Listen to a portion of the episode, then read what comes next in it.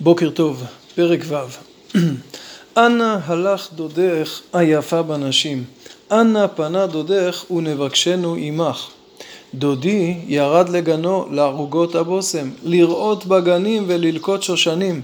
אני לדודי ודודי לי הרואה בשושנים. הפסוקים הללו מהווים את הסיום של הפרק הקודם.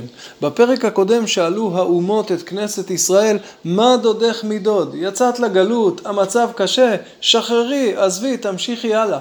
והתשובה הנפלאה של כנסת ישראל, דודי צח ואדום, דגול מרבבה, ביטא את הקשר העמוק, את זה שאי אפשר לנתק בינינו לבין ריבונו של עולם.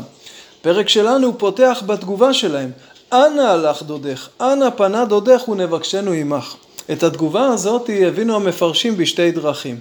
דרך אחת היא שהם כל כך התרשמו מהמסירות של עם ישראל לקדוש ברוך הוא, הם מבינים שיש פה משהו אמיתי. הם גם רוצים להצטרף לחיפוש. את יודעת מה? בוא נעזור לך לחפש אותו. דרך שנייה בפרשנות, כך מסביר רש"י, זה שהם אומרים את זה בצורה של לעג. אה, הוא, הוא כזה מוצלח הדוד, הוא כזה טוב, אז איפה הוא? אנה פנה דודך? אם הוא כל כך אוהב אותך, אם אתם כל כך קשורים, אז איפה הוא בדיוק? בואי אולי נלך, נעזור לך לחפש אותו. זה בצורה של לעג לכנסת ישראל. בכל מקרה, התשובה היא, דודי ירד לגנו, לערוגות הבושם, לראות בגנים וללקוט שושנים. הדוד עדיין איתנו, הוא איתנו, הוא עובר בינינו, הוא מלקט בגנים, הוא מחפש את המעשים הטובים שלנו, את הצדדים הטובים שלנו. אם קודם לכן דיברנו על גן אחד כשהיה בית המקדש, עכשיו זה כבר גנים מרובים. עכשיו, בימי בית שני ובטח אחר כך בגלות, אלו בתי כנסיות, אלו בתי מדרשות, אבל הקדוש ברוך הוא נמצא שם ומחפש את הזכויות של ישראל. הוא מסיים את כנסת ישראל את התשובה, אני לדודי ודודי לי הרואה בשושנים. כלומר, הקשר בינינו חזק ויציב, אני נאמנת לו והוא לי. ובתשובה לגויים שרוצים להצטרף, על פי הפרשנות הראשונה שהצענו, אז התשובה היא עוד לא עכשיו.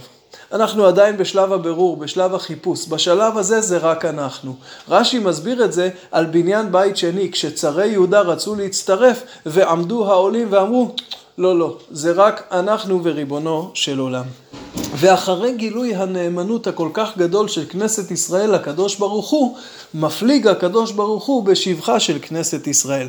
יפת רעייתי כתרצה, נבע כירושלים, איומה כנתגלות. תרצה הייתה עיר בירה בממלכת ישראל. את יפה ונבה כמו אותם ערי בירה.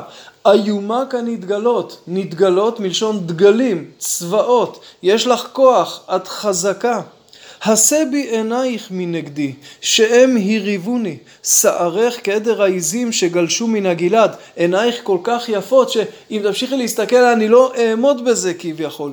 שינייך כעדר הרחלים שעלו מן הרחצה, שכולם מתאימות ושכולה אין בהם. כפלח הרימון רקתך מבעד לצמתך. הפסוקים הללו מתארים את יופייה של הרעיה, כפי שכבר פגשנו בפרק ד'. רוצה לומר, אומר הקדוש ברוך הוא, בפרק ד' שהוא תיאר את יופייה של הרעיה, זה היה כאשר הם היו ביחד. במשכן, במקדש. עכשיו יש הסתר פנים בגלות או בבית שני שהשכינה נסתרת כל כך, אבל רוצה לומר אני עדיין רואה את יופייך כמו שהיה קודם. אם כי יש הבדל קטן. קודם התיאור היה מלמעלה למטה, ועכשיו שימו לב שאנחנו הולכים הפוך, מהשיניים אל הראש, אל הרקה. מדוע? בבית שני הצמיחה היא מלמטה כלפי מעלה.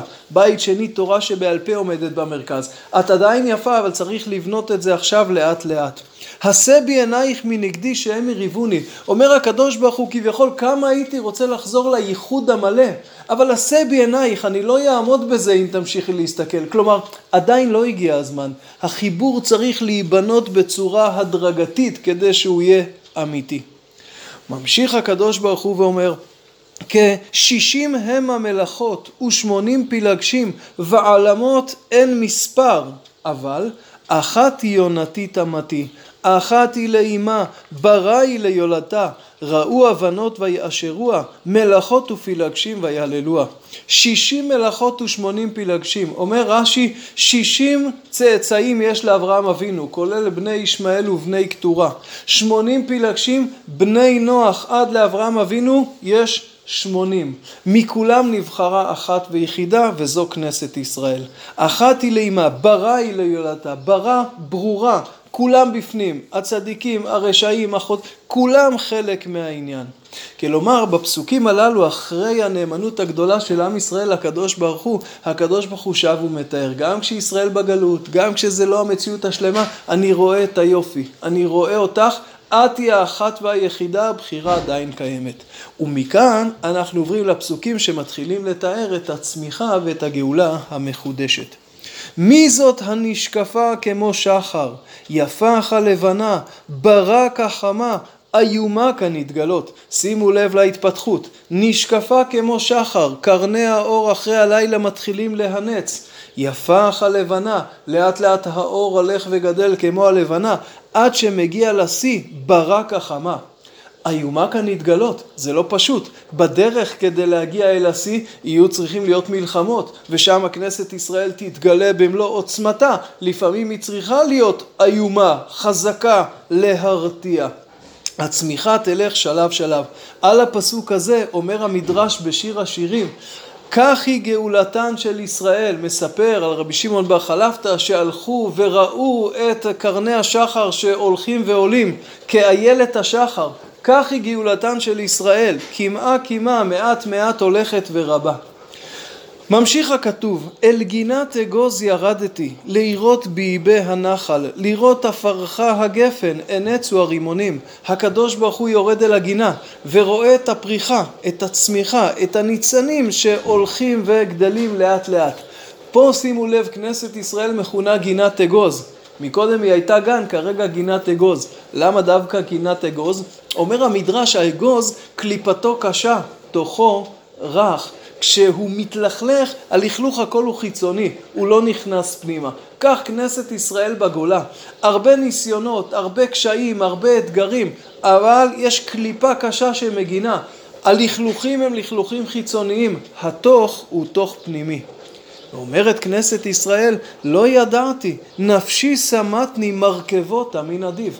כלומר, התחיל להתפתח פה איזשהו תהליך של גאולי, משחר אל לבנה אל חמה, ולפתע פתאום מרכבות המין עדיף, אני פתאום מוצאת את עצמי על המרכבה כביכול, פתאום אני מוצאת את עצמי במצב הרבה הרבה יותר טוב.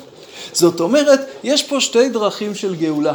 דרך אחת של קימה קימה, שחר, לבנה, חמה, ודרך שנייה שפתאום מתרחשת איזה קפיצה, פתאום אתה מוצא את עצמך על המרכבה.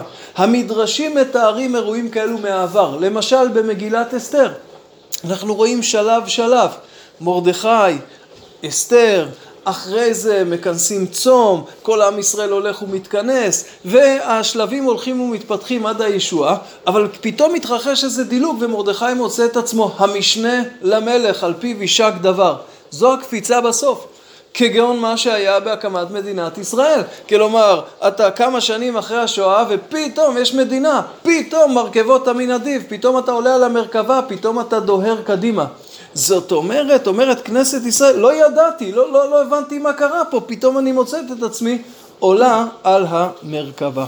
אז אם כן, הפרק הקודם, כפי שאמרנו, הסתיים בנאמנות הגדולה של עם ישראל לריבונו של עולם. התוצאה של זה, הקדוש ברוך הוא מונה את שבחה, רואה את יופייה כמקודם, רק הפעם זה מלמטה למעלה. צריך לבנות את זה שלב שלב כדי שיופיע בצורה שלמה, ומכאן מתחילים הפסוקים לתאר את הצמיחה והגאולה. כאשר בתחילה זה מתואר בצורה הדרגתית, ולפתע נרמז שלעיתים יש קפיצות, פתאום מוצאים את עצמנו על המרכבה, ובלי להבין מה קרה, אתה פתאום נאסף על ידי מרכבת הנדיב, על ידי ריבונו של עולם, והתהליך מתחיל להתקדם ולרוץ. שבת שלום.